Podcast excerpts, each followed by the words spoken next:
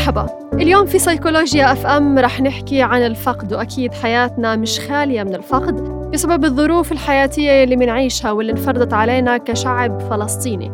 حتكون معنا الدكتورة سارة الوحيدي دكتورة الإرشاد النفسي وأخصائية الصحة النفسية.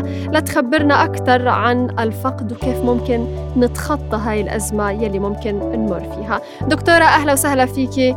ويا ريت تخبرينا عن الصدمة يلي بنتلقاها نتيجة الفقد وكيف ممكن نخفف من حدة التأثير النفسي على الفقد. ونواسي الناس الفاقدة كمان.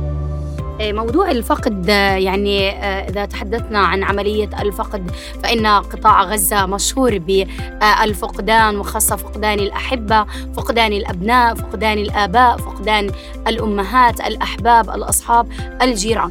ولكن هناك نقطة مهمة لابد من آه، توضيحها. أن عملية الفقد لا تعني دائما فقدان إنسان عزيز ولكن عملية الفقد تعني قد آه، هو تغيير حاسم في مناحي الحياة أو قد يكون آه، فقدان لوظيفة معينة فقدان عمل فقدان راتب إنهاء علاقة مع الأصدقاء مع الزملاء. وهي عبارة عن شيء يكون الإنسان يمتلكه مما اضطر به أن يفقده. فعملية الفقد لا تعني فقد الفقد دائما.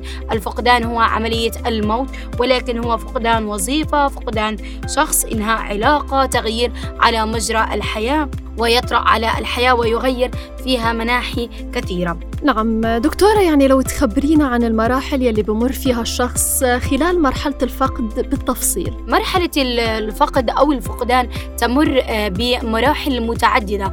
أي عملية حين يتعرض الإنسان لعملية الفقد يمر بمراحل متتالية وهذه المراحل أجمع عليها جميع علماء النفس والمرحلة الأولى هي مرحلة الإنكار الكلي لوجود هذا الحدث. أن الإنسان ينكر بأن آه، الأب ينكر وفاة ابنه آه، ينكر بأن هذه الوظيفة التي انتهى منها كانت جميلة آه، ينهي لا يعترف بهذه الأحداث التي غيرت مجرى حياته. فأن أول مرحلة يمر بها هي عملية الإنكار في المرحلة الثانية.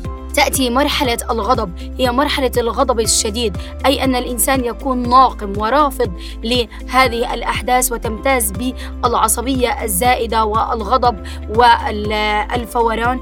ولكن بمجرد أن يهدأ هذا الغضب في المرحلة الثانية يبدأ الإنسان يفكر بعملية الفقد التي آه، طرق إليها أو تعرض إليها ويبدأ بالتفكير العقلاني.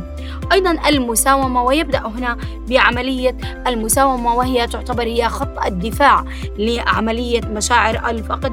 أي أن الإنسان يبدأ بالمشاعر الداخلية أن يبدأ يساوم ذاته يبدأ يتحدث أن آه، قد تكون الأيام القادمة أفضل قد يكون آه، حينما يتم استشهاد أو فقدان ابني أن يكون هناك آه، تعويض من الله. يبدأ بعملية المساومة وتهدئة النفس نتيجة هذا عملية الفقدان. أيضا المرحلة الأخيرة التي يتم فيها حين يتعرض الإنسان لعملية الفقد وهي عملية مرحلة الاكتئاب ويكون الإنسان في مرحلة حزن شديد آه، إرهاق آه، تعب إجهاد نفسي نتيجة لعملية الفقد وقد تكون قوية جدا ويكون هذا الإنسان يشكل آه، شيء كبير بحياة الآخرين أو الوظيفة التي هي مصدر رزقه حين نتحدث عن عملية الفقدان فإنها لا توجد فترة زمنية محددة لمرحلة الفقد إذ يختلف من شخص لآخر حسب المناعة النفسية للإنسان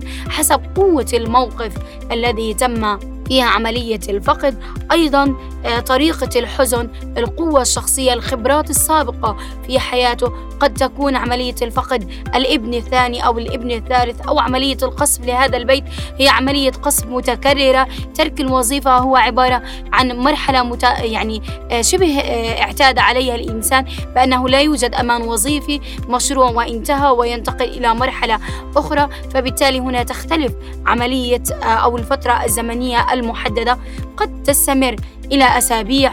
قد تستمر إلى شهور قد تستمر إلى سنة حتى يتم استيعاب العقل لعملية الفقدان.